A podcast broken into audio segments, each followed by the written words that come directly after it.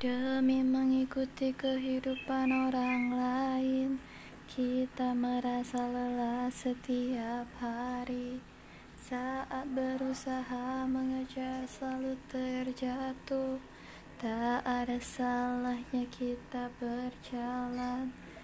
Saat semua tepat berada di tempatnya Mereka bersinar dengan